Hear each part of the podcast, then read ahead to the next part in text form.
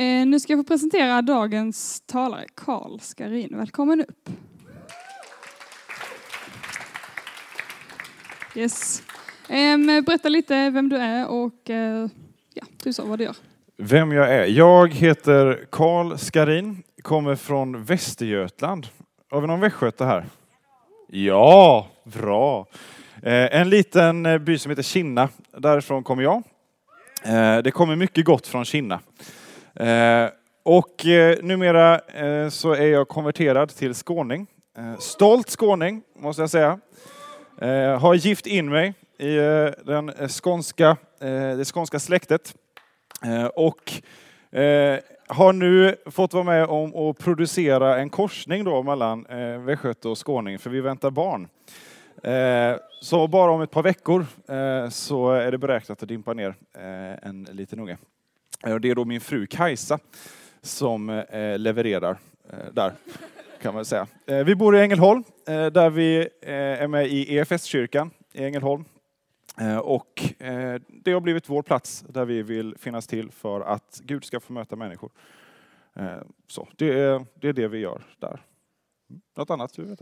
Um, Nej. Rätt så nöjda. Mm. Mm. Eh, jag ska be för dig och så eh, kommer vi sjunga två sånger sen är du välkommen upp. Eh, tack Gud för eh, Karl, tack för att du har eh, kallat honom hit och att han är villig att, att tjäna. Jag ber att du ska vara med honom under förmiddagen här och att du ska lägga orden i hans mun och eh, tala ditt ord. Jag ber att vi som lyssnar ska få vara mottagliga för detta och att du ska få beröra oss var och en. Ehm, tack för att du älskar oss och tack för att du har omsorg om oss. Vi lägger hela den här förmiddagen och resten av dagen i dina händer. I Jesu namn. Amen. Om ni hade hittat ganska mycket pengar när ni var ute någonstans. Det ligger, ni, det ser, det ligger någon liksom smutsig liten pappersbit eh, i eh, eh, något gathörn. där det passerar folk. Liksom. Och så är det en eh, tusenlapp som ligger där. Det är ju sällan man ser tusenlappar alltså. Men de finns tydligen. Eller är det en myt? Jag vet inte. Eh, jag tror att det finns tusenlappar. ni hittar en tusenlapp. Eh, vad gör ni då?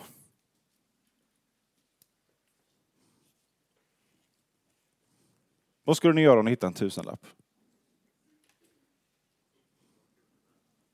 Plocka upp den. Ja. Skulle ni göra något mer? Ni skulle stå där. Här står jag och håller en tusenlapp. Shoppa. Mm. Andra idéer? Ge till en tiggare. Ja. Fler idéer? Ja, shoppa eller ge till en tiggare, det är det vi har. Okej. Okay. Eh, då, då har vi det att jobba med.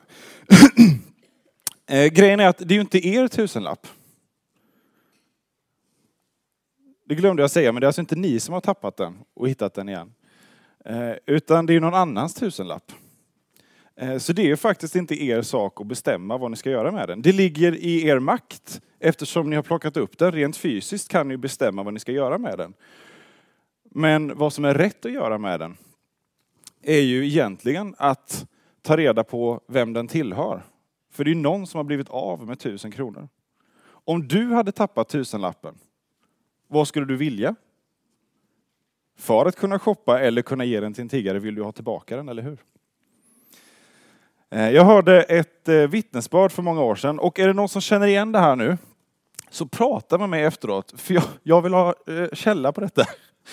Eh, så lyssna inte för källkritiskt nu. Det här var länge sedan jag hörde det här vittnesbördet, men det har satt sig. Och eh, jag, jag, skulle vilja veta om, om man, det är någon som faktiskt vet vem, eh, vem det här handlar om. För det är långt bort eh, och det är några år sedan. Egypten, Kairo. Är det någon som har varit där? Ja, några stycken. Eh, hur, eh, hur är läget i Kairo? Tumultartat. Ja. Det är mycket folk på liten yta. Eh, hur, hur ser det ut socialt i Kairo? Ja, det, det, är, lite, det är lite så. Eh, det är, det är väldigt annorlunda mot Sverige. Och var någon här som nämnde eh, tiggare, att ge tusenlappen till en tiggare. I Kairo finns det gott om tiggare, tyvärr. För att förhållandena är sådana eh, att det är enormt många som inte har pengar så de klarar sig.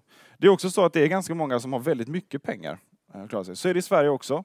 Eh, I Egypten så är de skillnaderna ännu större. De som har mycket, de har jättemycket. Och de som inte har mycket, de har ingenting. Det eh, finns en sopstad utanför Kairos, en soptipp där människor bor. Eh, för att de har inget annat och lever på att eh, leta, eh, fynda bland soporna. Det är inte tusenlappar de hittar där, generellt i alla fall.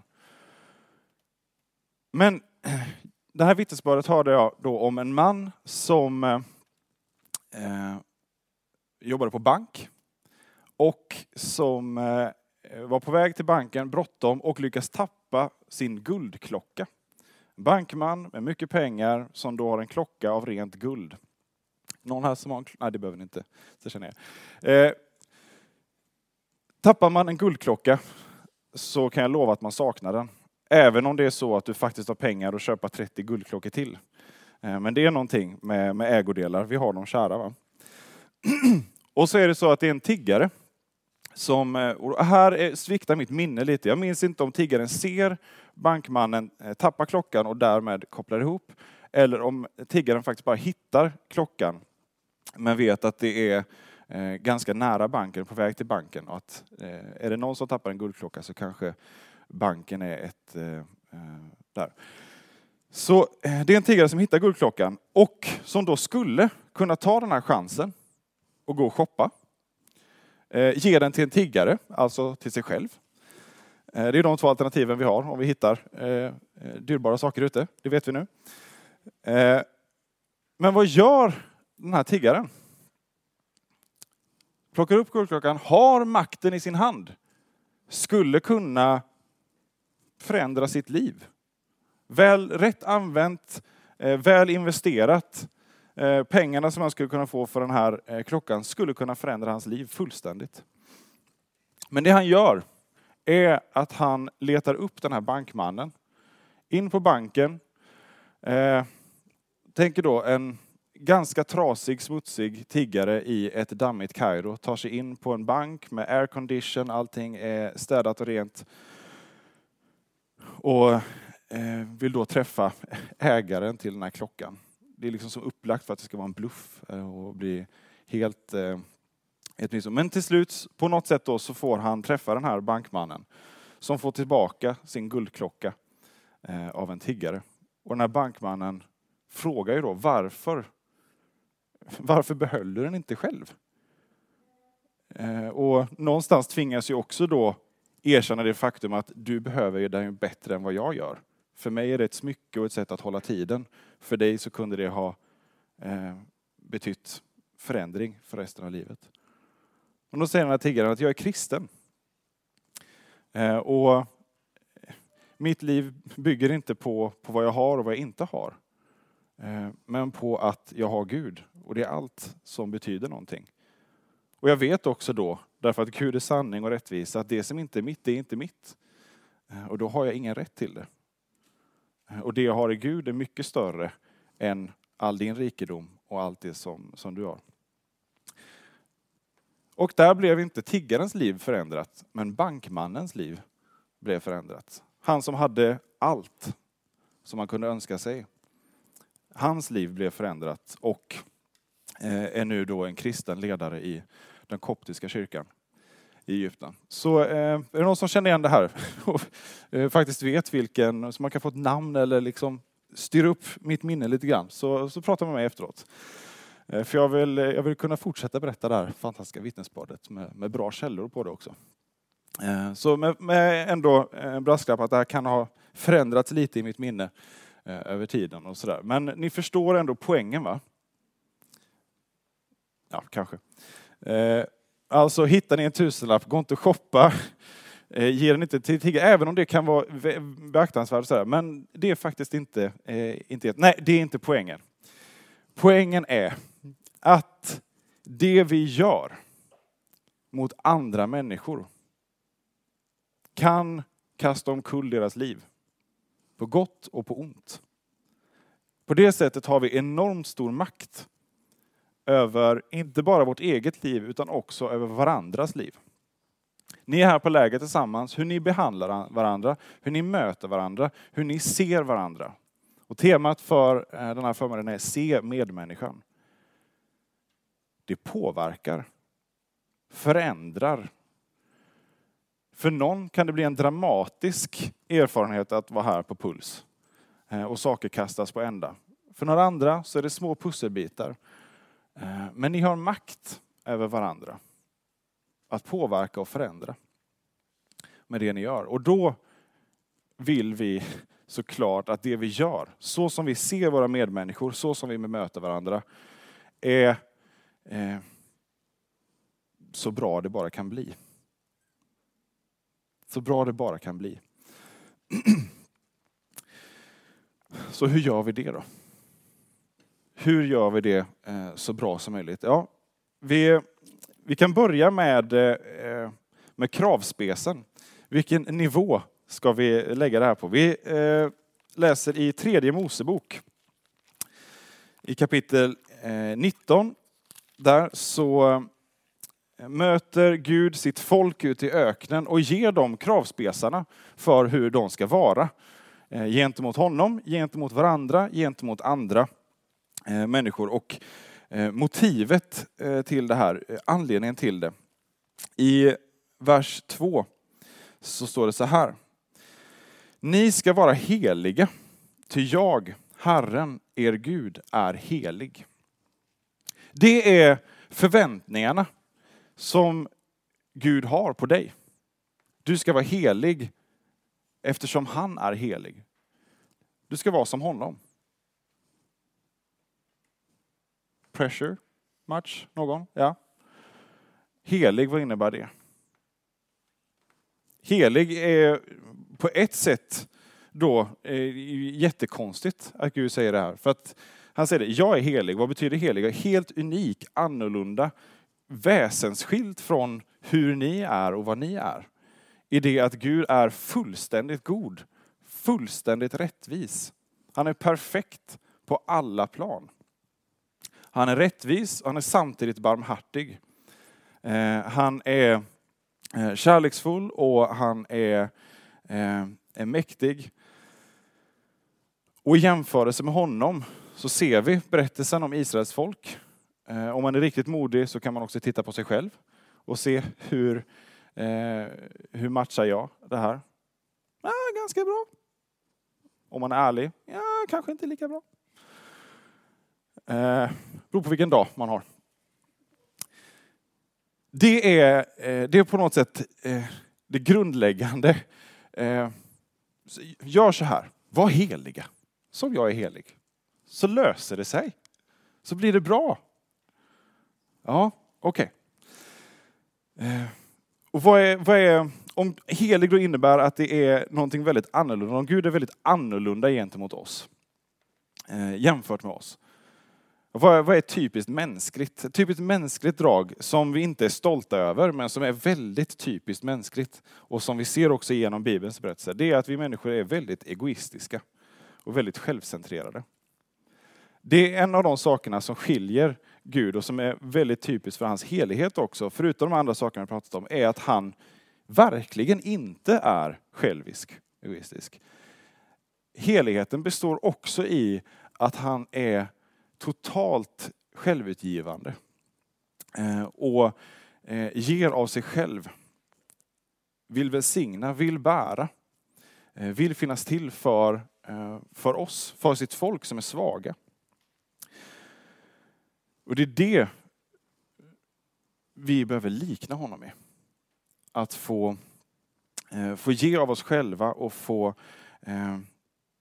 få del av Guds helighet och få vara helig som Gud innebär också att fokus förflyttas från mig till andra. Det som är helt sjukt i eh, Bibelns berättelse om Gud jämfört med, med andra gudar och andra religioner är hur en sån mäktig Gud blir tjänare. Hur han tar sig an ett så oansenligt folk. Det är jättekonstigt.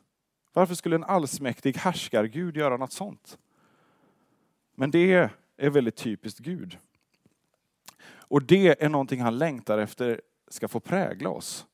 Att vi ska få lika honom eh, i det. Och nu har vi läst i början av Gamla Testamentet. Eh, för att rama in det här så läser vi också i slutet av Gamla Testamentet i Sakarja.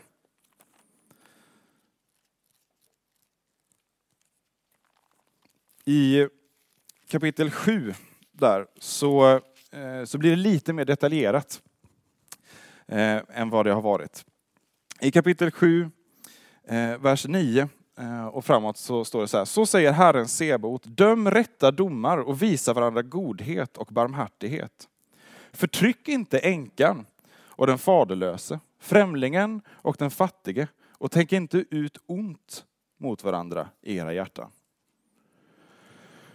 Då får vi lite mer uppstyltat, men vad innebär det då att vara helig?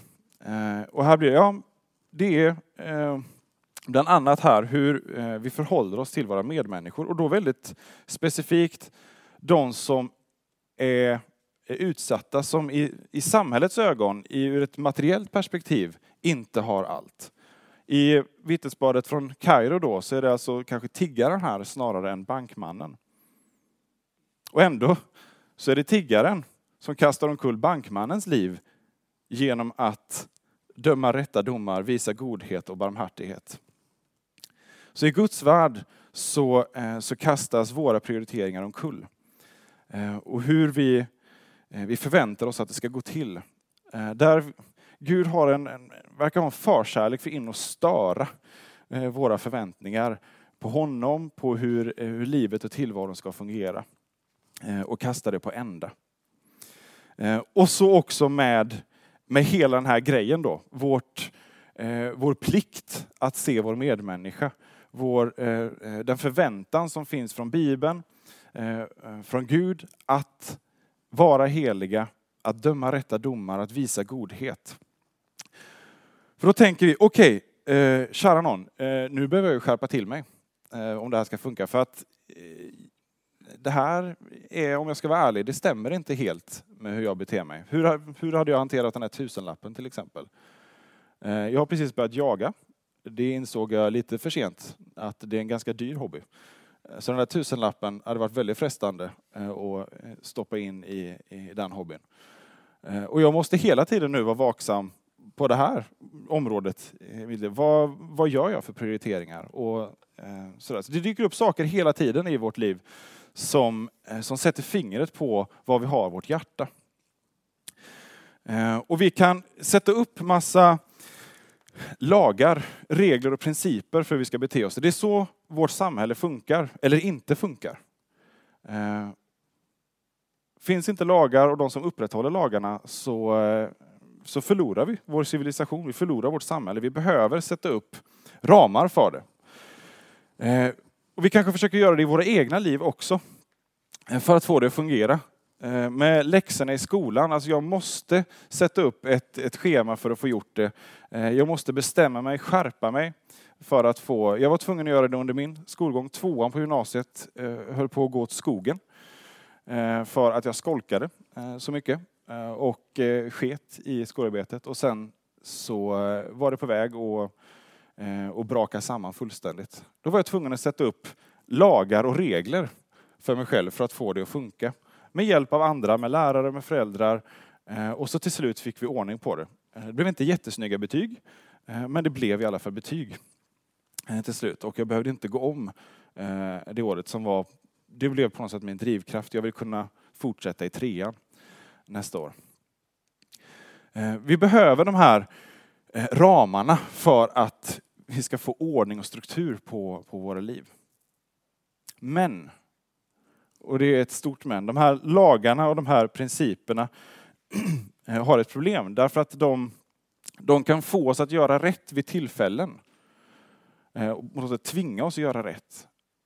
Men de förändrar inte det som är huvudproblemet.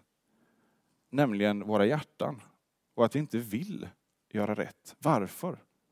Därför att du är typiskt mänsklig. Du är egoistisk. Du är självisk. Förlåt att jag säger det, men så är det. Därför att jag är också det. Vi är ena riktiga skithögar ibland, om vi ska vara ärliga. Vi tycker inte om att höra det, för det är jättejobbigt att höra. Eh, men vi kan vara svin mot varandra. Eh, och man kan tycka att men jag är ganska hyfsad ändå. Jag är inte lika svinig eh, som Robert. Eh, och så hittar vi våra vägar där vi jämför oss liksom med, med de eh, vi har runt omkring oss. Eh, och när jag och Christian då pluggade på teologen, präststudenter, shit vad sviniga man kan vara. Ja, men då, genast blir det läger där man delar upp sig och ja, de har den teologin och, och sådär. Och så Ja, ändå kanske inte alla hästar hemma, men 99 av 100. Eh, och så eh, sätter vi upp eh, eh jämförelser med andra eh, för att försvara oss. Eller så blir det raka motsatsen. Vi jämför oss med andra och så hamnar vi där nere, trycker ner oss själva i skorna. Alltså Robert, han har ett sånt fantastiskt fint hjärta och ser andra människor. Eh, och eh, alla tycker om honom och han är så trevlig och god att göra med. Och jag kan liksom inte låta bli att vara den här surgubben bara. Och så Jämförelser med andra människor. Antingen så slår det åt det hållet eller så slår det åt det hållet. Eh, och hela tiden så handlar det ändå om att jag försöker ja, men se, se på mig själv och vad jag gör och vad jag är. Och problemet att vi inte får ordning på vårt hjärta. För om vi ska se vår medmänniska, om vi ska leva ett kristet liv och vara heliga, så behöver det få vara genuint. Det behöver komma ända inifrån och ut. Och det går inte att skärpa till sig till den nivån. Det går inte att bara styra upp det, rycka sig i kragen, som jag gjorde med mina, eh, mina betyg, mina kurser på gymnasiet. Det gick att skärpa till sig och rycka, rycka sig i kragen. Men när jag tittar på mig själv och har jag kärlek till mina medmänniskor? Behandlar jag de människor som jag möter eh, bara en gång vid något tillfälle? Det kanske är den här tiggaren på stan då. Eller ett butiksbiträde när jag shoppar. Hur bemöter jag de människorna? Hur bemöter jag de människor som jag har i min närhet? De jag tycker om? Min fru Kajsa vet att jag inte är perfekt. Hon har fått möta väldigt många av mina dåliga sidor. Hur är det möjligt? Hon är ju den människa som jag älskar mest. Ändå så är det hon som har fått se de svinigaste sidorna hos mig.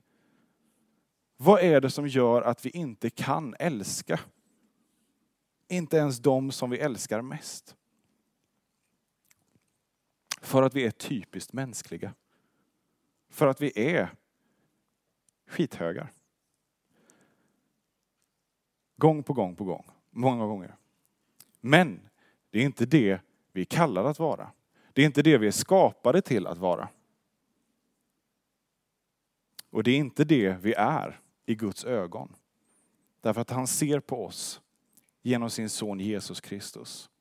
Och när han ser på oss så ser han eh, sin son Jesus fullkomlig, helig. Och genom honom så får vi ett annat hjärta. Ett hjärta av kött och blod som innebär att vi kan också eh, få se ett annat liv. Ett annat liv där vi inte, inte är skithöga, för det är inte det som är vår identitet. Det är inte det som är vad vi är och som definierar oss. Vi beter oss som skithögar ibland. Eh, det är det man brukar kalla för den gamla människan. Den gamla människan är en skithög. Det, det är vad den gamla människan är. Alltså det i oss eh, som, som vill det onda. Synden. Det som korrumperar och som förstör. Men det är också så att den gamla människan eh, har inte längre eh, någon makt när det gäller att tala om vilka vi är. Därför att det är precis det som Jesus gör. Han kommer, han kommer och eh, ger oss ett nytt liv och en ny människa, en ny skapelse är vi honom. Och det är det vi måste ta fasta på. Eh, det, finns, eh, det fanns en, eh, en biskop som heter Bo Giertz som sa det att i dopet så dränktes den, den, gamle, den gamle Adam, alltså den gamla människan. Problemet är bara att det aset kan simma. Och så är det, vi är döpta, vi tillhör Kristus, Eh, vi får ett nytt liv. Vi blir en ny skapelse i Jesus Kristus. Men så länge vi lever här på jorden så kommer vi märka att det här aset, den här skithögen, simmar eh, och försöker kravla sig upp och göra sig påmind. Och det är därför vi fortfarande beter oss som skithögar ibland. Och det är därför vi får så svårt att, eh, att behandla våra medmänniskor med den kärlek som Gud förväntar sig att vi ska göra. Därför att vi är nya skapelser i honom. Och det är en brottningskamp som, eh, som vi måste, måste ta. Vi kan ge upp. Men det är riktigt tråkigt att ge upp, eller hur? Eh, och det blir inte bättre av att ge upp. Det är en kamp som är spännande att ta. Därför att då blir det lite action eh, i livet. Och att bli kristen är inte att bli att få en quick fix och sen så, eh, så löser sig allting och du stöter inte på problem. Att bli kristen är att gå in i krig med eh, den här gamla människan i sitt eget liv. Eh, men att också gå in i krig med den här världen och eh, med synden, eh, med ondskan. Eh, är du kristen så är du därmed också en, en soldat och en måltavla för, för fienden som inte vill någonting annat än att vi ska misslyckas. Framförallt i kärleken till medmänniskor, för det blir så påtagligt och så synligt. Om den här tiggarens kärlek till bankmannen kunde förändra den här bankmannens liv så att han fick tag i det mest dyrbara som finns, Jesus själv. Då är det avgörande hur vi lever våra liv. För andra människors skull. Det påverkar och det betyder någonting. Och där behöver vi förändras i djupet av våra hjärtan, annars får vi inte ordning. Vi kan komma med hur många bra tips och knep som helst. Vi kan ha eh, eh aktiviteter för att, eh, eh, som en kristen skolgrupp till exempel, så kan vi ha olika evenemang och aktiviteter för att uppmuntra våra eh, skolkamrater och eh, berätta om vår kristna tro. Eh, och det är jättebra och så. Men om vi inte älskar våra klasskamrater så spelar det inte så stor roll. Paulus, en av eh, våra största eh, författare genom tiderna som skrivit stora delar av Nya Testamentet. Han går igenom en lång lista om han hade stora förmågor, stora gåvor, och kunde göra det och det andra men saknar kärlek. Då är det liksom bara tomt. Och särskilt jobbigt blir det när det handlar om människor som vi har i vår närhet. För människan som du träffar vid ett tillfälle kan du få ge någonting och sen så passerar det bort. Men de människor som du har nära dig, du kommer inte kunna hålla upp en fasad så länge. Det är därför det blir så jobbigt med de vi älskar mest och har oss närmast. För de kommer också få se kanske den sannaste bilden av oss själva. Och den sanna bilden av oss själva är att vi inte är perfekta. Och då blir det jobbigt. Därför behöver vi låta Gud jobba med våra hjärtan. Vår kärlek till honom, vår kärlek till oss själva i det. Och ut i det kärleken till varandra, till människor. Och det är, det är ingenting som vi kan eh, träna oss till eller skärpa oss till. Och det finns mängder med människor som har massa olika anspråk på hur vi kan förändra världen. Hur vi eh, ja, men, skapar ett annat samhälle genom att förändra vårt beteende gentemot andra människor. Politiska ideologier, religiösa rörelser, olika trender. Sju steg för detta, eh, fem knep eh, om detta. Eh, och så är det alla de här eh, clickbait-artiklarna som vill få oss att tro att Eh, om vi bara gör detta eller detta så kommer vi uppleva en enorm förändring. Under två, tre veckor kanske det funkar och sen så är vi tillbaka eh, det var. Håller en, eh, en viss träningsform, en viss diet och sen så, så faller den då. Jag längtade verkligen efter att göra skillnad för människor och för världen när jag gick på högstadiet och i början av gymnasiet. Jag visste dock inte hur. Som tur var så träffade jag Johan som visste hur. Johan var från Norrland och Johan var kommunist. Eh, kommunist, om vi bara förenklar, det är långt ut på vänsterkanten. Eh, man vill skapa ett annat samhälle, ett rättvist samhälle där ingen tjänar mer än någon annan och då inte heller mindre än någon annan. Det är kanske där man vill lägga betoningen egentligen. Och eh, ska det hända så måste vi se till att det händer. Och eftersom det är så många som inte vill att det händer, att det blir kommunism alltså, eh, så får vi se till att det blir så, vad det än kostar. Det är kommunism, kort uttryckt. Eh, vi sa att det vill vi ha. Vi vill ha ett rättvist samhälle. Eh, det finns några som inte vill det. Borgarpacket kallar vi dem. Det är borgarpacket som styr Sverige, trots att de finns i det socialdemokratiska partiet och säger sig vara vänster. Alltså måste vi skjuta dem Eh, och ta över Sverige med våld. Det satt vi och eh, konspirerade om eh, hemma i Johans tv-rum. Och så bildade vi Revolutionär kommunistisk ungdom. Eh, ungdomsförbundet till eh, kommunistiska partiet, Leninist Marxisterna revolutionärerna. Och så sa vi att nu ska vi förändra världen. Eh, och jag drogs med i den här svängen och nu eh, i nyheterna så ser man de här människorna Eh, om, om, man ser dem i nyheterna så ser man dem ofta med eh, sjalar framför ansiktet eller rånarluvor med en sten i handen och så skriker de saker eh, mot polisen och så blir det bråk. Eller mot nazisterna och så blir det bråk där. Det är väldigt mycket bråk långt ut på vänsterkanten och långt ut på högerkanten och ofta dem emellan. Eh, där var jag och tänkte att jag vill göra skillnad för mina medmänniskor. Motivet kanonbra. Metoden skitdålig. Pröva inte den. Det blev bara pannkaka. För jag drogs med i de här sammanhangen och man visste det var en politisk ideologi, men man skulle nästan lika kunna eh, gärna säga att det var en religiös sekt. Eh, för vi, vi slöt oss samman i vårt, eh, vårt gäng, hittade likasinnade. Kom någon med argument mot vår ideologi så var det ah", om vi märkte att våra argument inte höll. Och så eh, satt vi där med vår världsbild. Och vad hände efter några år? Eh, jag förändrade inte världen, men jag förändrade mig själv. Till det sämre. Därför att drivkraften långt ut på vänsterkanten och långt ut på högerkanten är hat. Och det hatet gör någonting med människor. Eh, det blir värre och värre. Eh, till slut så fann jag mig själv på demonstrationer, maskerad, eh, och gick och eh, skrek hatiska slagord mot Israel. Vad sjutton hade Israel med saken att göra? Men helt plötsligt var jag där i alla fall. Eh, och länge leve intifadan. Jag visste inte vad intifadan var. Det var först senare jag lärde mig att det var det palestinska upproret. Och så var jag liksom i en utom, eh, liksom, utrikespolitisk fråga som jag inte hade någon aning om. Men det var i alla fall det vi gjorde. Man bara hängde på.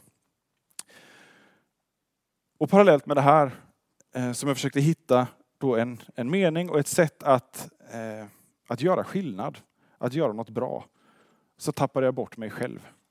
Fullständigt. Och det umgänget jag hade eh, var destruktivt. Det säger sig kanske sig självt när man håller på att kasta sten på polisen att det är destruktivt, men det, det är inte så självklart när man är där. Eh, och precis som med betygen sen då, så var, var det här var på väg att gå åt skogen. Men så hamnade jag på eh, kristet läger. Eh, och eh, träffade människor som hade väldigt annorlunda världssyn eh, och ideologi. Inte bara politiskt. Eh, det var inte så mycket politik vi snackade om, eh, även om jag försökte få till det också. Men de var intresserade av något annat och de här människorna gjorde intryck på mig. Men jag var seg. Jag åkte på konfaläger och sådär, men det, det bet inte riktigt. Och så var det, här, jag vill inte bara förändra världen, jag vill också förändra mig själv och vara någonting. Jag hade varit den här tysta, försiktiga killen eh, i klassen som, eh, eh, ja, men som inte säger så mycket, som inte, eh, inte har så många vänner.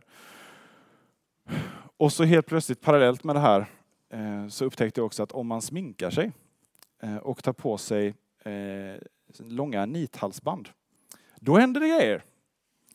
Då är man inte den här tysta, försiktiga killen längre. I en liten skola, alltså Kinna, liten ort, då märks man helt plötsligt. Oh yeah! Eh, det var inte så att jag hade jättelätt att få tjejers uppmärksamhet innan. Nu så var, kändes det som att alla tjejer på skolan pratade om den här Karl som sminkar sig. Ja?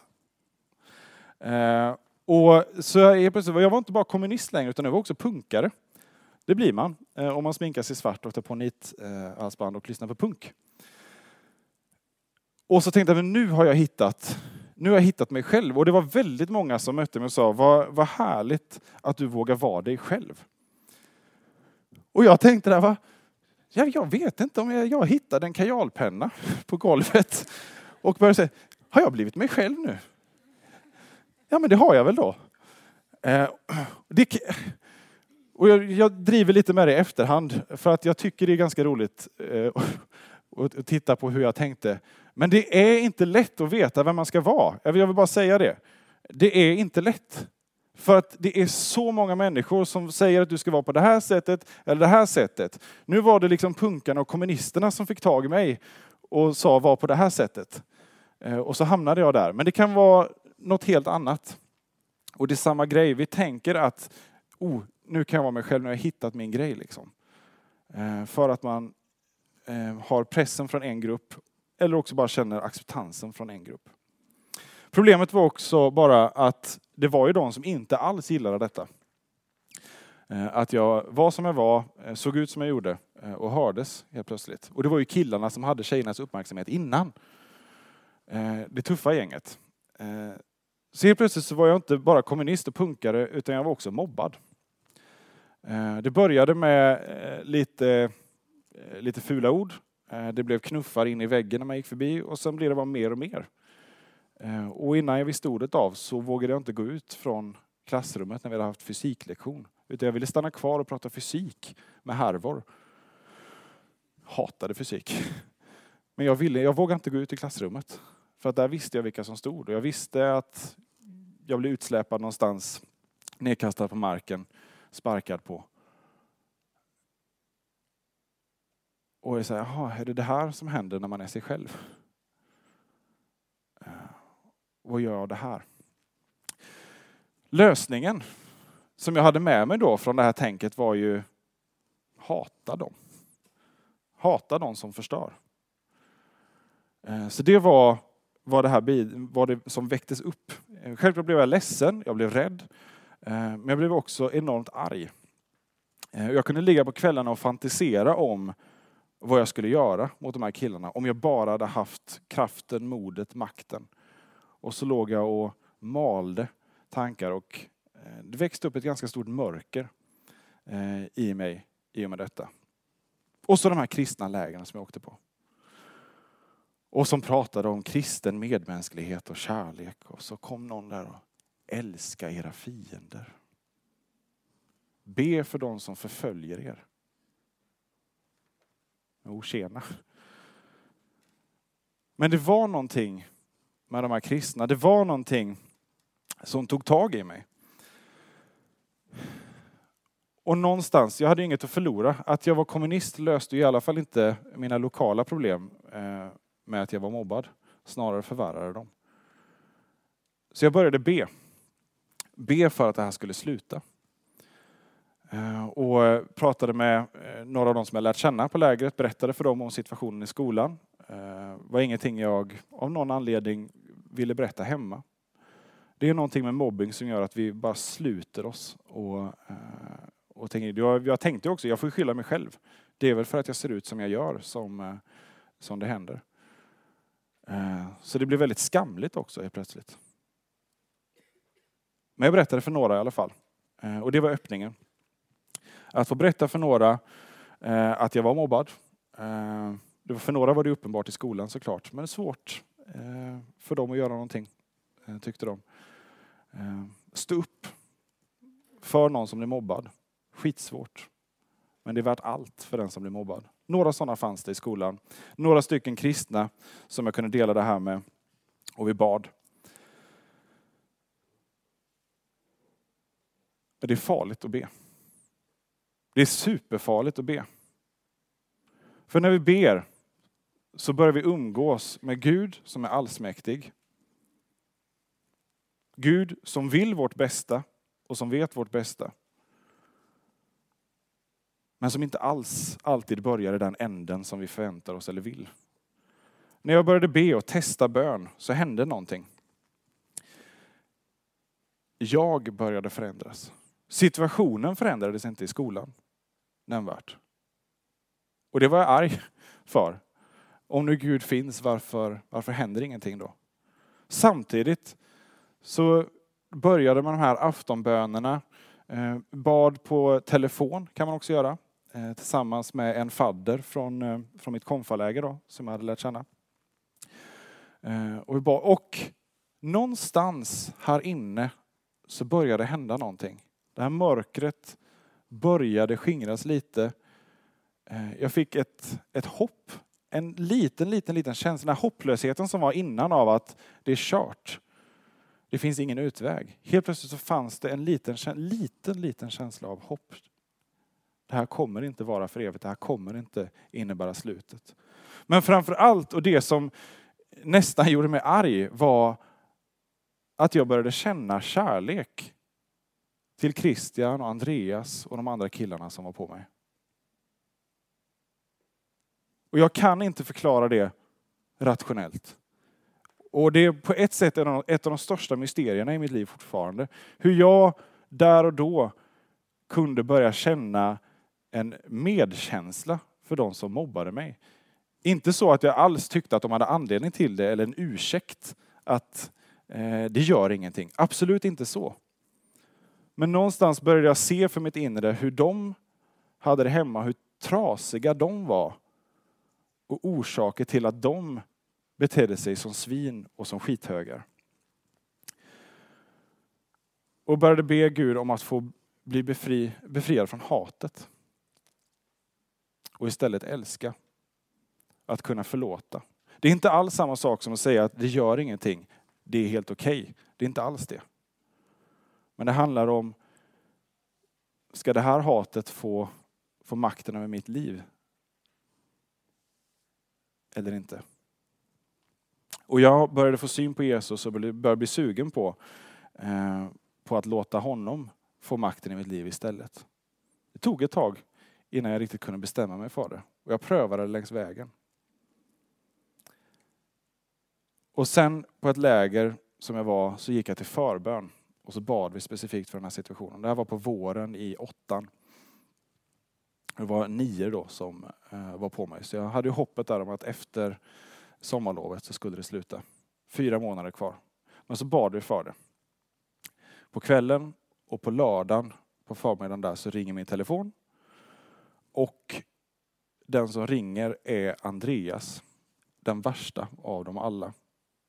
Du vet, den här, en sån här kriminell kille som har med sig vapen till skolan. Eh, och som inte verkar bry sig om någonting. Han ringer och har fått tag i mitt nummer. Idag vet jag att det är nästan helt omöjligt att få vara i fred på sin telefon. Man är liksom, vem som helst kan hitta den på vilken sociala medier som helst. Då var det inte så. Det fanns inte ens nummerpresentatör på telefonen. Så gammal är jag. Så det står bara samtal. Nödvändigt att det står samtal när det ringer. Eh, jag svarar, ja hej det är Andreas. Och det känns som att mitt hjärta fryser till is. Nu har han fått tag i mitt nummer. Det var inte heller så lätt att få tag i någons nummer. Och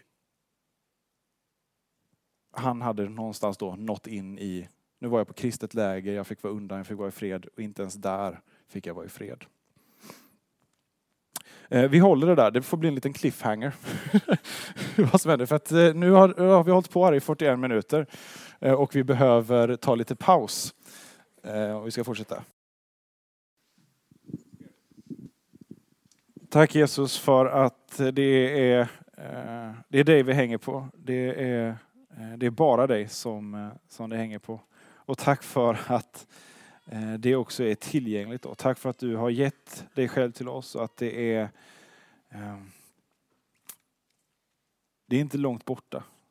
Det är inte eh, massa självhjälpsmetoder och eh, idéer som måste landa utan du Jesus, du är här just nu och du erbjuder din hand, din väg, ditt liv.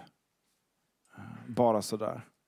Hjälp oss att se det och förstå det och hjälp oss få, Eh, få veta och erfara hur det eh, ger oss någonting nytt i våra liv och hur det ger oss eh, helt nya möjligheter.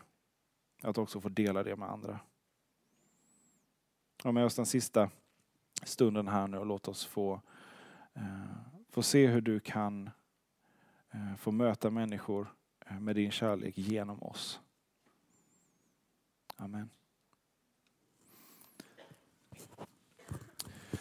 Så Andreas ringde. Det var där vi var. Minns ni? Och eh, jag blev livrädd. Eh, för det här är killen som eh, eh har med kniv till skolan. Eh, och som man någonstans säger sådär, kommer han kunna använda den eller inte? Eller kommer han göra det? Det är den, det är den nivån som, eh, som det är på. Och eh, jag vet inte vad jag ska säga. Jag säger, ja, mm, hej. Eh, och han säger, eh, ja det är, eh, ja, eh, jag fick ditt nummer av Börje. Och eh, ja, du vet ju att vi, eller ja, vi har ju liksom, eh, ja, vi kanske inte har varit så schyssta. Nej, vad säger man liksom? Eh, ja, och så tänkte vi nu att eh, Ja, men om vi, eller om vi kanske slutar då. Ja. Ja, är det okej okay då eller? Är vi, är vi okej? Okay? Ja. ja Okej, okay, hej. Det var, det var väl Andreas sätt att säga förlåt. Det var inte riktigt det här, eh, jag ångrar djupt vad jag har gjort och jag står i evig skuld till dig. Det var inte den eh, bönen om förlåtelse. Men, eh, men för mig räckte det. Och eh, där hade Gud fått utrymme att jobba med mig under ett antal månader. Hade Andreas och sen, eh, och vi bad ju för honom, jag hade bett för honom. Jag vill ju verkligen tro att Gud verkade i hans hjärta också. Eh, både genom mina böner och andras böner. Eh, men oavsett vad som fick honom att ta det beslutet och ringa det samtalet. Eh, så var det avgörande för mig att Gud hade fått jobba med mitt hjärta innan det. Annars hade jag aldrig kunnat säga att vi är okej. Okay. Hur är man okej okay med någon som har raserat eh, hela ens livsglädje, skolglädje, eh, som har fått en att stanna hemma från skolan för att man inte vågar gå dit. Hur kan man vara okej okay med det? Det går inte. Och vi ska inte vara okej okay med det. Men vi behöver inte heller vara bundna över det och låta det få makten över hela våra liv. Utan det finns en väg där Gud kan få makten över våra hjärtan istället och skapa liv. Där omständigheterna talar för raka motsatsen. Och där det kan få sippra igenom och också förändra Eh, situationen fullständigt. Det, eh, och det är jättesvårt för mig att eh, tala om det, för mobbingen slutade inte. Eh, från Andreas sida gjorde den det. Helt plötsligt kunde jag och Andreas sitta nere i skolcaféet vid biljardbordet, dit jag inte vågade gå ner annars. Men när han var med, då satt jag och Andreas, skolans värsting, och snackade han som varit på mig liksom varje dag. Satt och snackade som om ingenting hade hänt. Från hans sida. Jag var lite mer avvaktande. Man visste ju inte vad som var, var på gång. Eh, men sakta men säkert insåg jag att det kommer inte hända något mer från Andreas sida. Eh, och han gjorde ändå vissa saker när de andra var som värst. Så gick han ändå in och sa, nej men kom igen, vi har slutat nu. Verkligen den. Han bestämmer, vi har slutat nu. Sen bestämde han ju inte fullt ut. Så att, det var inte liksom, men det var, den, det var hans attityd, vi har slutat nu. Det är han som lägger ribban på skolan. Liksom.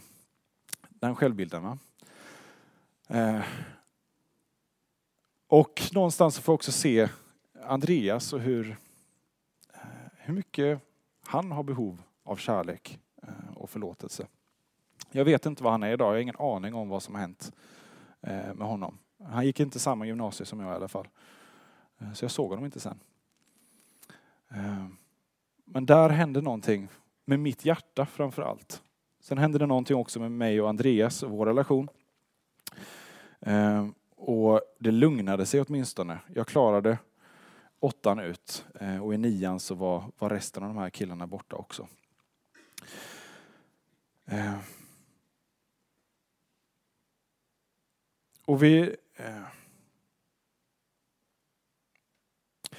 vi, behöver, vi behöver älska de människor som vi har runt omkring oss. Om inte annat så faktiskt för vår egen skull. Eh, för att man blir rätt odräglig att ha att göra med eh, när man, när man, har, eh, när man inte älskar. Och för att kunna göra det. Är, det funkar, som jag sa, det funkar verkligen inte att bara bestämma sig för att nu ska jag göra det här.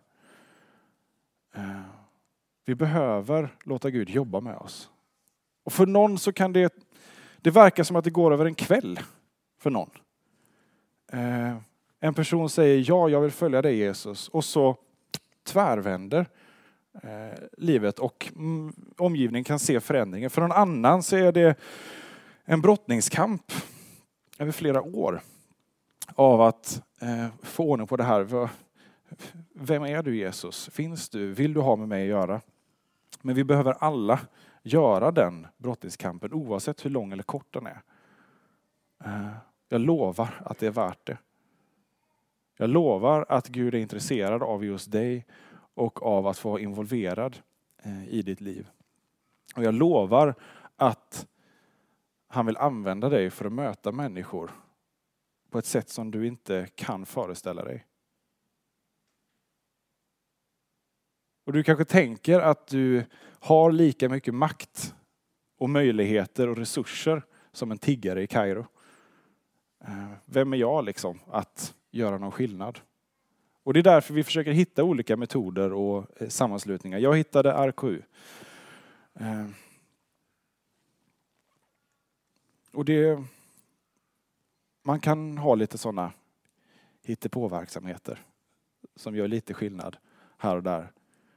Eh, men det som gör att vi kan dela Guds kärlek med människor är ju att vi själva har fått ta emot och har fått bli bearbetade av Guds kärlek. Om det är Guds kärlek vi ska ge vidare så måste vi ha det själva. Så det viktigaste du kan göra för att se din medmänniska är att arbeta på din relation med Jesus. Det är det enskilt viktigaste du kan göra för den uppgiften. Sen så Eh, finns det eh, saker vi behöver påminna oss om och det finns eh, eh, Nya Testamentet, Paulus brev fullt av goda uppmaningar till hur vi ska bete oss, vad vi ska göra. Eh, vad vi ska göra för att undvika det som är dåligt och vad vi ska göra för att eh, öka det som, eh, som är gott. Eh, det finns mängder med uppmaningar till det, men det enskilt viktigaste eh, du kan göra det är att lära känna Jesus. Låt honom få jobba med ditt hjärta, visa vem du är i hans ögon eh, och låta honom få visa vilka människor du har runt omkring dig. Jag har ett eh, bibelord som hänger här eh, över mig. Jag har väldigt svårt för att läsa spegelvänt. Kan vi inte läsa det tillsammans, det som står här?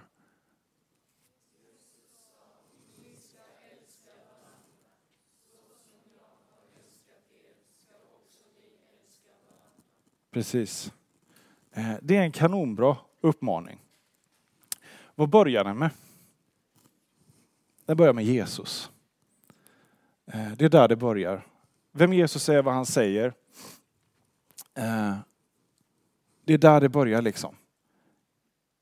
Det är Jesus som säger det här. Så som jag har älskat er. Vi måste titta på honom. Vi kan titta på oss själva i oändlighet och bedöma eh, olika kvaliteter och möjligheter och förmågor eh, och fundera på hur eh, hur bra jag är på att älska andra, på att se andra och sådär. Och då kommer vi aldrig komma vidare. Vi kommer fastna där. Om vi börjar där, hos Jesus, som säger det här, så som jag har älskat er. Och det, det tar ett helt liv att komma dit, så som jag har älskat er och förstå vad det handlar om. Jesu kärlek till oss är, den är helt sjuk. Det är det jag sa i början om eh, hur Gud beskrivs genom Bibeln. I jämförelse med hur en, en allhärskande mäktig varelse borde bete sig. Det är helt sjukt. Korset, vad Jesus gör på korset, det är helt sjukt. Det är det konstigaste som har hänt i hela världshistorien. Det är inte alls konstigt att om du försöker berätta för dina klasskamrater varför du är kristen och vad Jesus har gjort för oss, så känner du dig jättekonstig. För det är jättekonstigt. Det är supermärkligt att Gud har blivit människa, dött på ett kors för att vi ska få gemenskap med honom. Det är jättekonstigt. Men tusentals år av historia där människor har fått göra erfarenheten av att det är sant. Vittnesbördet som vi har här. Tusentals människor, miljoner människor som har blivit berörda av just det. Att Gud inte är en Gud som sitter på avstånd och dömer utan som går ner mitt ibland skithögarna, mitt ibland svinen och blir som en skithög och som ett svin på det sättet. Paulus säger att Gud gjorde honom till ett med synden på korset. Han tar det. Vi har ingenting att vinna på att förneka vår synd. Att eh, låtsas som att vi inte har brister, som att vi inte har synd i våra liv. Det kan vara jätteskönt ett tag att försöka förneka det, för då slipper man ta tag i det, man slipper... Eh, men vi har ingenting att vinna på det i längden. Eh, inte heller när omständigheterna är som värst mot en och, man, eh, och jag verkligen med all rätt skulle kunna betrakta mig som ett offer. Inte ens då vinner jag på att förneka att jag har min egen synd eh, och mina egna brister som jag måste få ta tillsammans med Jesus. För det är där det börjar. Mellan dig och Jesus.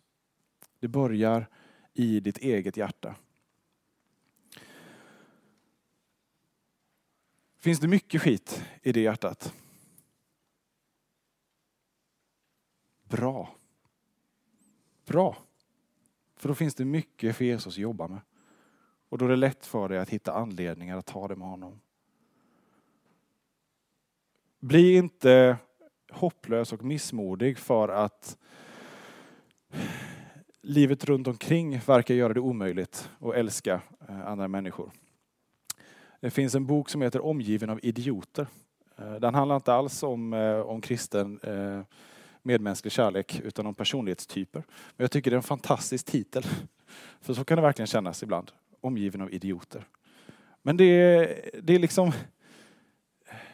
Du har inte ansvar för deras personlighet. Du har ansvar för, för dig. För ditt eget liv. Och då inte ansvar för att få ordning på det och rycka upp det, utan ta ansvar för det.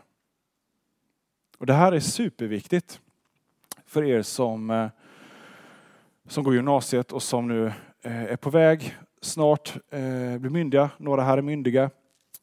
Ni måste ta ansvar för era liv. Och det finns jättemycket som samhället vill lägga på oss och omgivningen och förväntningar och sådär på vad det innebär att ta ansvar.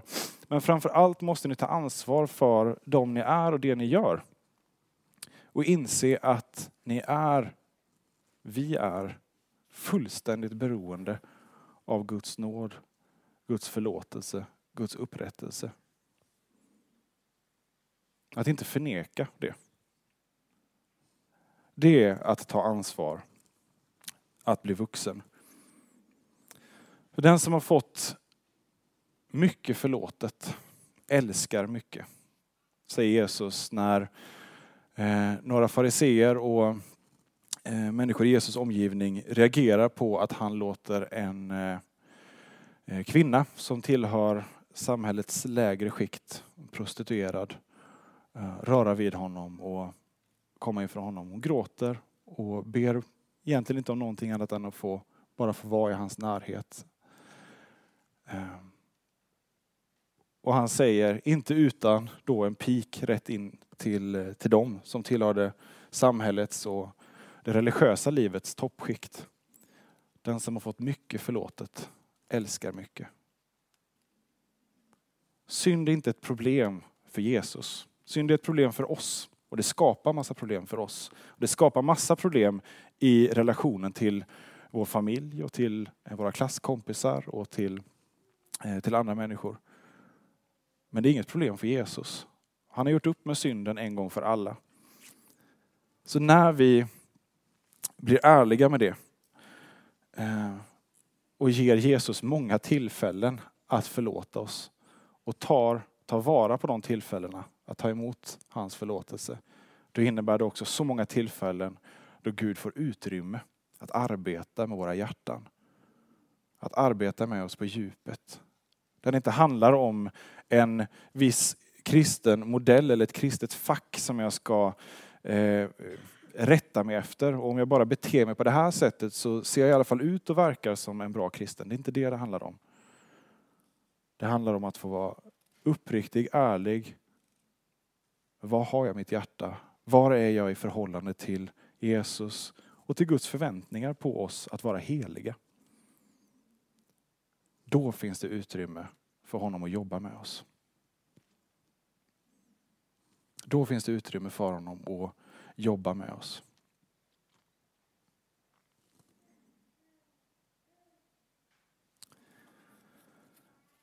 När vi har kommit dit eh, att vi är ärliga med vårt eget behov, då, då finns det möjlighet att få möta andra också i deras behov. Jag sa inte att när vi har blivit färdiga med våra egna behov, då finns det möjlighet att möta andra. Utan när vi har förstått. Eh, det krävs inte år av eh, teologisk kunskap på universitetet. Snarare skulle jag säga att det krånglar till saker. Vad säger ni som, eh, som har läst där? Det, det enda som behövs är mötet med Jesus och bönen till Jesus. Det är bara det. Där kan landa vishet. Du kan få ha vishet och kunskap om Gud som inte ens den mest utbildade och intelligenta människan på jorden kan ha. Bara i ett möte där du förstår någonting av vem du är i förhållande till Jesus och vad ditt behov är i förhållande till honom. Och det gör att du eh, som kanske rent då kunskapsmässigt eller resursmässigt eller maktmässigt i vårt samhälle, i din skolsituation, eh, känner att du har lika mycket att säga till om som en tiggare i Kairo. Men vet då också att en tiggare i Kairo kan kasta omkull livet på en högt uppsatt bankman. Genom att låta Gud jobba med hjärtat, göra någonting som få människor skulle gjort i den situationen. För det är så här, har vi fått tag i, och det, eh, det, det är också därför det är lite farligt att bli kristen också. Det är farligt att be, det är farligt att bli kristen. Eh, för att är jag kristen och har tagit emot Guds förlåtelse och tagit emot livet från honom, då har jag inte rätt att hålla det för mig själv. Då är det som den här tusenlappen, eh, som den här guldklockan som är upphittad. Jag kan inte göra vad jag vill, men jag kan inte hålla det för mig själv. Det är inte, jag har inte längre rätten till mitt eget liv. Ehm, och eh, när vi är på läger och så här och det undervisas så eh, är på något sätt huvudsyftet på, på alla kristna konferenser och läger och sådär är ju att vi, vi vill att människor ska lämna sina liv till Jesus. Det skulle kunna säga ett, ett övergripande syfte eh, med, med att samlas och att höra undervisning om. Eh, och sådär. Att vi, men det ska inte göras lättvindigt. Eh, om man jämför det med judisk eh, konvertering eh, så är det, det är väldigt annorlunda att bli kristen och att bli jude. Av flera olika skäl, men just hur man blir det. Eh, som kristen så ser vi ofta att det, det räcker med en bön och det räcker med att bjuda in Jesus. Eh, det räcker med att be om förlåtelse för sina synder. Det är liksom inte en särskilt lång avancerad process. Processen som sådan är ganska enkel. Sen kan det vara världens största steg att ta. Eh, till skillnad från judisk konvertering där du går och säger till en rabbin, jag skulle vilja bli jude och han säger hej då. Eh, och inte förrän man kommer dit tredje gången och säger jag skulle vilja bli jude. Då, ja, okej, okay, intressant. Och sen hamnar man i skolbänken eh, och får studera eh, judisk eh, tro och liv under ganska lång tid och bevisa att man har förstått och klarat av det innan man till slut får konvertera. Eh, och är man man så är det dessutom smärtsamt, det sista steget. Eh, så det är skillnad på eh, processerna, men ibland funderar jag på om vi gör eh, processen att bli kristen, ska vi, eh, den är väldigt enkel eh, eh, på det sättet. Och i riten in är då inte omskärelsen, utan det är istället dopet. Och där behöver man inte göra någonting, det är superskönt. Man blir doppad. Och det är Gud som handlar i dopet. Så där, där är vi liksom chans. Vi kan, inte, vi kan inte prestera någonting.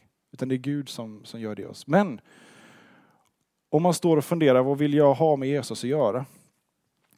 Eh, så, eh, och tänker att det är, eh, eller du är kristen och tänker att att vara kristen är en, en enkel livsstil så är det inte så. Det är en utmaning. En, en eh, fruktansvärt stor utmaning. Därför att när vi blir kristna så följer med det ett enormt ansvar. Nämligen att vara Guds representanter där vi är. Vi har fått missionsbefallningen, gå ut och gör alla folk till lärjungar. Eh, jag sa det när jag och Christian stod och pratade här i pausen, att att Gud använder oss människor för att visa vem han är och att sprida evangeliet kan jag ibland tänka är ju världens sämsta idé.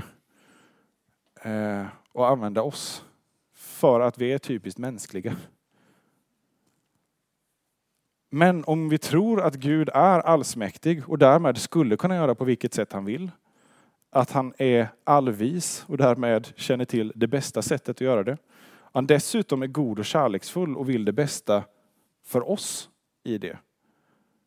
Ja, då får vi lita på att det är rätt sätt att göra det och att missionsbefallningen är eh, en jättebra idé. Men det är en enorm utmaning.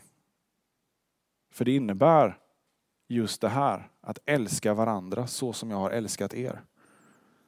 Och det är kanske det svåraste vi kan ge oss in på. Det är svårt nog att älska Gud och älska sig själv, men dessutom älska människor runt omkring. Och då också de som det är svårt eh, att älska. Eh, vi slår upp Filipperbrevet.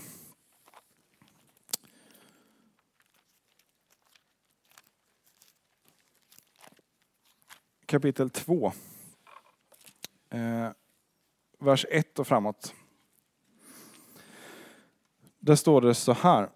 Om ni nu har tröst hos Kristus, uppmuntran av hans kärlek och gemenskap i anden, om medkänsla och barmhärtighet betyder någonting, gör då min glädje fullkomlig genom att ha samma sinnelag och samma kärlek och genom att vara ett i själ och sinne.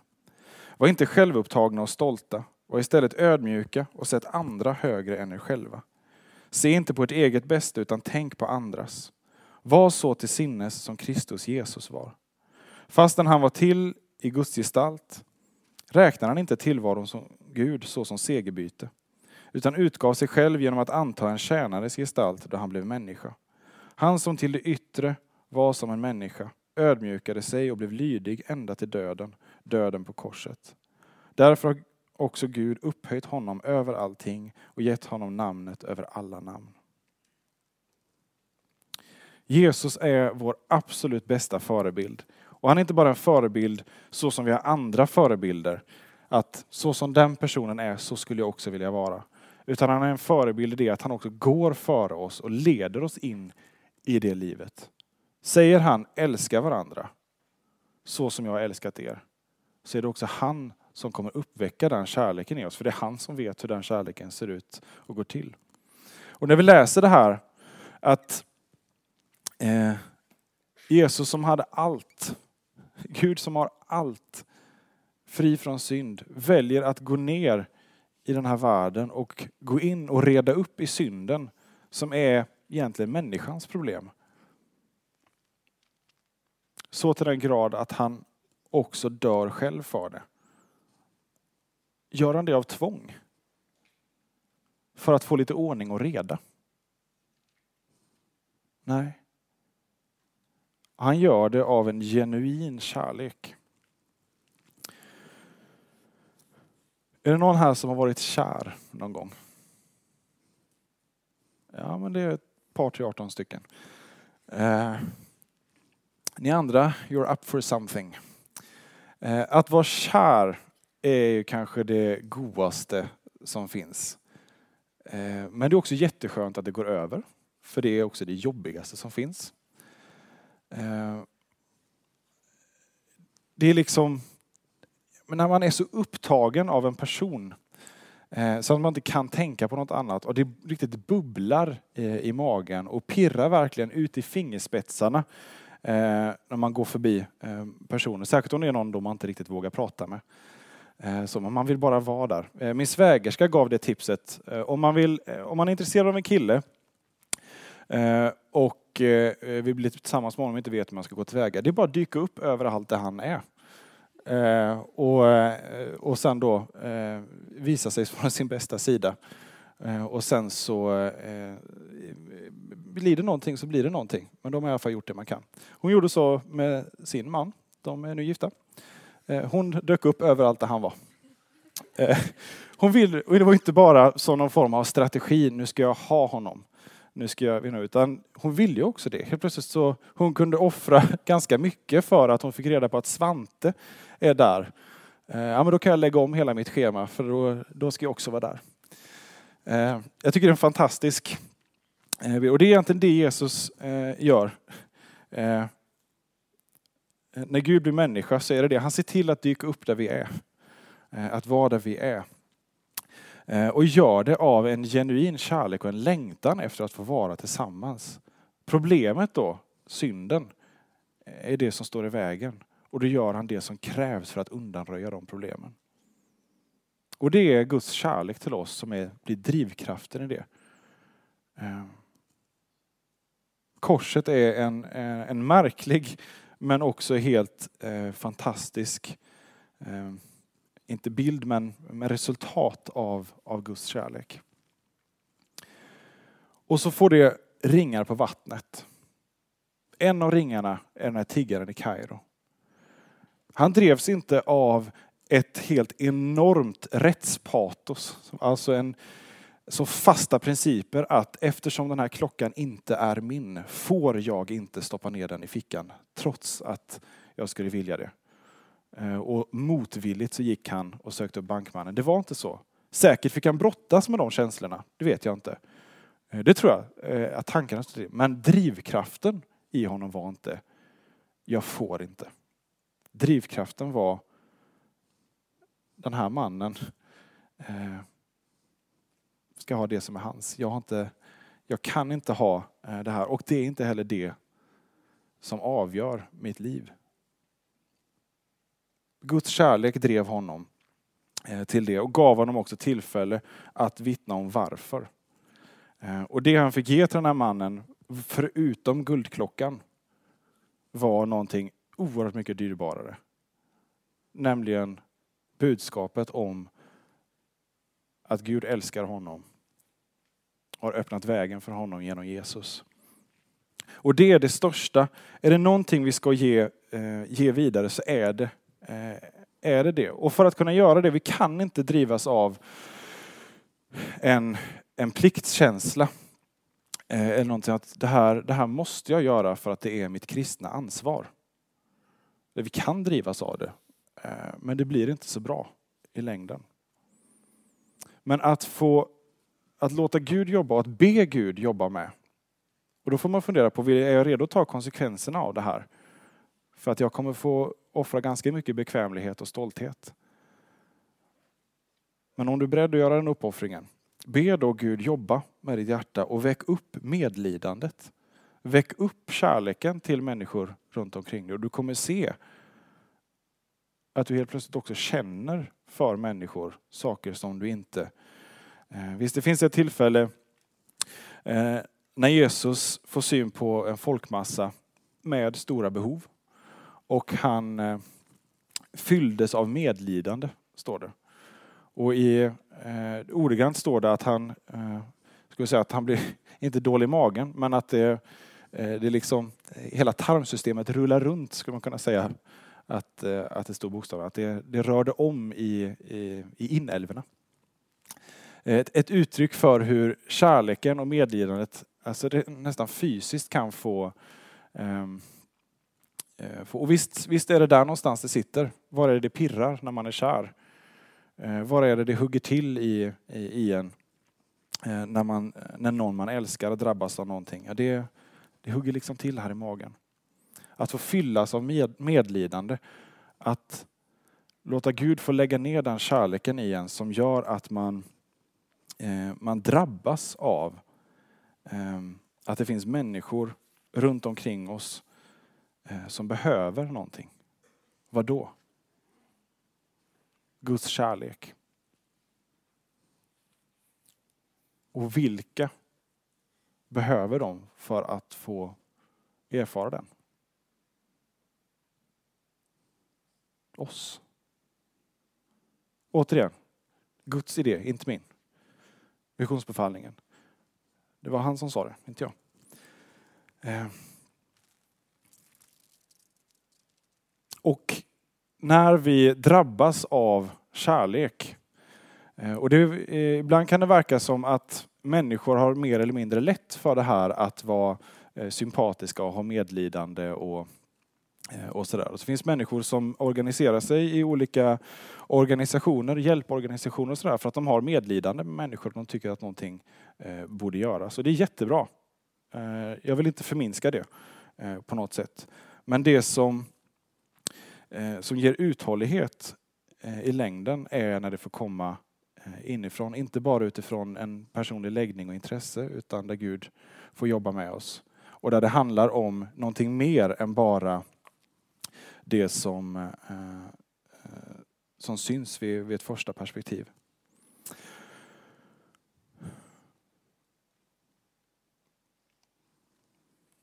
Och om du ber, om du ber Gud jobba med ditt hjärta, ger honom det tillfället, den inbjudan, så kommer du upptäcka att det gnager rätt mycket. Eh, för du kommer få syn på eh, på situationer där du behöver eh, ta steg som du inte känner dig bekväm med. Till exempel, om man ska ge några exempel, vad, vad, eh, vad finns det för olika sätt att, att visa eh, kärlek människor emellan? Att vara en, en bra medmänniska.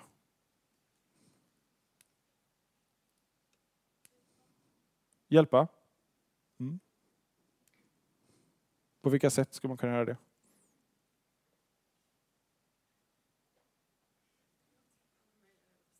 Alla möjliga. Precis. Eh, det är skitbra att du säger det. Alla möjliga sätt. Alla möj inte alla sätt som du är intresserad av, inte alla sätt som du är bra på, utan alla möjliga sätt. De sätt som behövs för att det ska hända. Och ger du Gud den öppningen så kommer han använda det till det. Trots att det kanske är eh, det sämsta sättet, enligt dig. Eh, men du kommer få, få hamna i situationer där, eh, där din bekvämlighet och eh, där ditt mod ställs på sin spets. Eh, jag är enormt tacksam för de som stod upp för mig i skolan när jag blev mobbad. Ett enormt mod från deras sida att ställa sig i vägen, som också hände eh, när de här killarna kom. Om vi bjuder in Guds kärlek och en bön om att få uttrycka den kärleken så kommer vi hamna i de situationerna där vi känner oss livrädda, där vi känner oss väldigt tveksamma till om det ska funka och där vi måste välja. Ska jag våga eh, lita på att Gud bär det här? För vi kommer få syn på situationer där vi helt plötsligt känner att jag måste.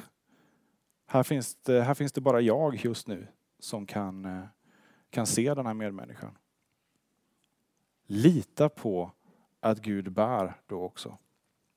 Har vi, eh, och gör vi detta som jag sa innan att det viktigaste, vad är, vad är det enskilt viktigaste eh, du kan göra för att se dina, din medmänniska? Kommer du ihåg vad jag sa där? Ja. Så att, att eh, ta hand om din relation med Jesus. Att det är där det börjar. Eh, gör vi det så kommer vi också få, eh, få se hur det bär, hur Gud bär. När vi möter de situationer som vid en helt annat tillfälle kanske vi skulle dragit därifrån. Men Gud har möjlighet att ge oss eh, det som behövs precis i den situationen och öva oss i att vara obekväma, att offra det vi tänker att vi själva kanske skulle, den här tusenlappen vi pratade om i början. Kanske en liten grej, att välja vad man gör med den. Ehm, men det visar ändå vilken, eh, vilken riktning man är på väg. Eh, jag vill läsa eh, en sista bibelberättelse från Andra Kungaboken kapitel 7.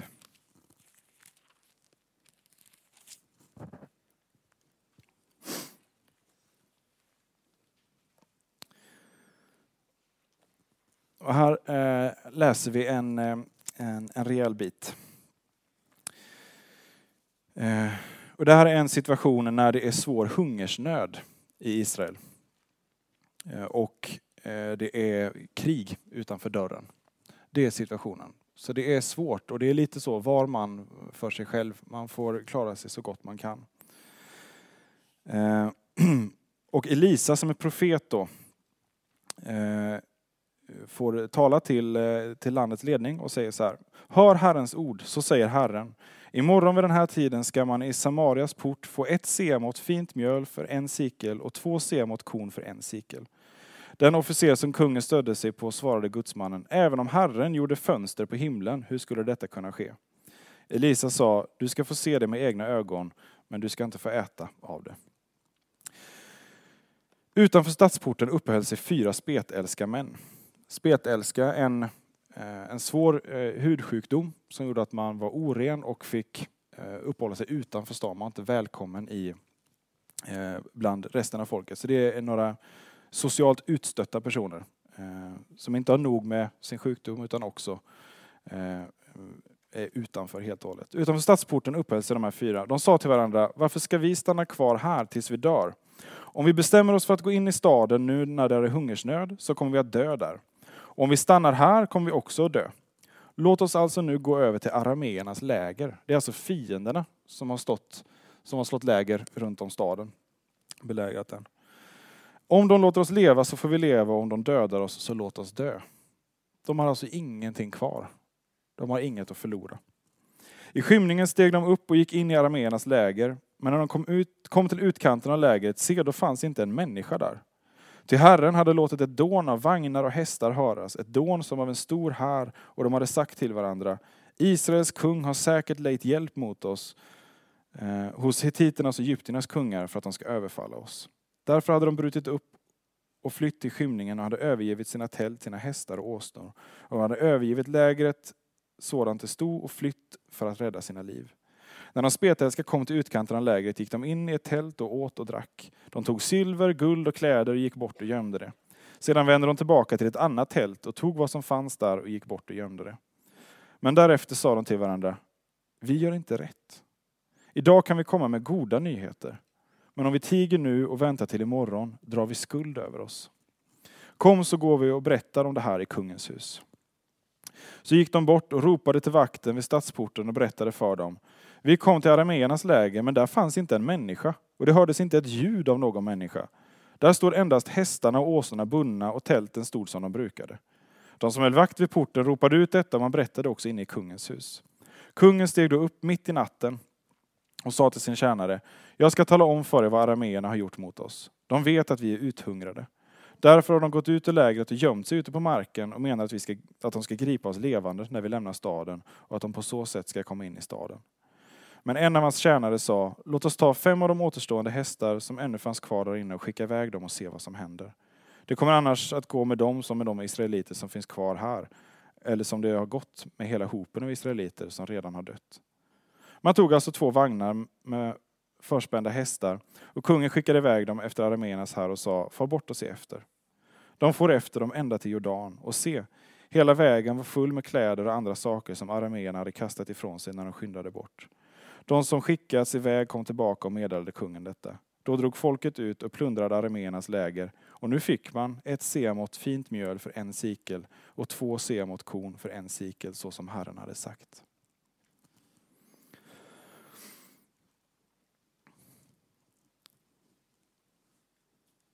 De här spetälska, de fick tag på livet. De, eh, I staden där det var hungersnöd och där fienden hade omringats så låg de sämst till. De var utanför stadsporten och de hade definitivt inte mer mat än någon annan. Men så drar de ut mot eh, inte bara okänd mark utan känd mark där man vet att det är farligt. Eh, man tar chansen. Vet kanske inte riktigt vad man väntar sig. Får vi leva eller får vi dö? Men de får tag i livet. Mat och dryck. Och dessutom mycket mer än så. Guld och silver och kläder. Vagnar och hästar. Och de skulle kunna dragit iväg med det och levt gott länge på det. Men de säger det, det är inte rätt. Vi gör inte rätt. Idag kan vi komma med goda nyheter. Vi kan komma med goda nyheter till de som finns runt omkring oss. Men vet ni vad de här männen behövde för att kunna göra det? Ja, de behövde ju själva först få tag på det. De behövde äta och dricka och få göra erfarenheten av det själva. Och sen så sticker de iväg till staden, till de som inte har behandlat dem särskilt väl, kan man tänka sig. Med risk för att bli dödade, för att de då är misstänkta att vara spioner åt fienden. Eh, I bästa fall kanske då bara inte trodda. Och med tveksamhet så blir de bemötta. Så kan det vara för oss också när vi delar det bästa vi har fått, Guds kärlek. Vi kan bli ifrågasatta, vi kommer bli ifrågasatta. Eh, människor kommer tvivla på våra motiv, eh, varför vi gör det. Och i slutändan så finns det bara ett sätt för dem att upptäcka vad det handlar om och det är att pröva och ta tag på det. Vi kan erbjuda någonting. Vi kan få be Gud jobba med våra hjärtan och vi kan få dela det. Resten är upp till Gud och de människor som, som han möter. Men vi, vi behöver ta ansvar för att se våra medmänniskor. Och det gör vi genom att börja med vårt eget hjärta i förhållande till Jesus och ge honom det utrymmet att få, få uppväckt de här känslorna, det här medlidandet till andra. Och jag lovar att det finns möjligheten att få älska och få medlidande med de som du absolut minst anar och som du med all mänsklig rätt skulle ha minst anledning att älska. Men ger du Gud utrymmet, ber honom att använda dig och jobba med ditt hjärta, så kommer du kunna få se att det händer. Och kanske också få vara med och kasta omkull livet för både tiggare och bankmän. Och det, det är spännande. Så långt för den här förmiddagen och min insats. Vi fortsätter med att sjunga lovsång. Va? Mm. Tack.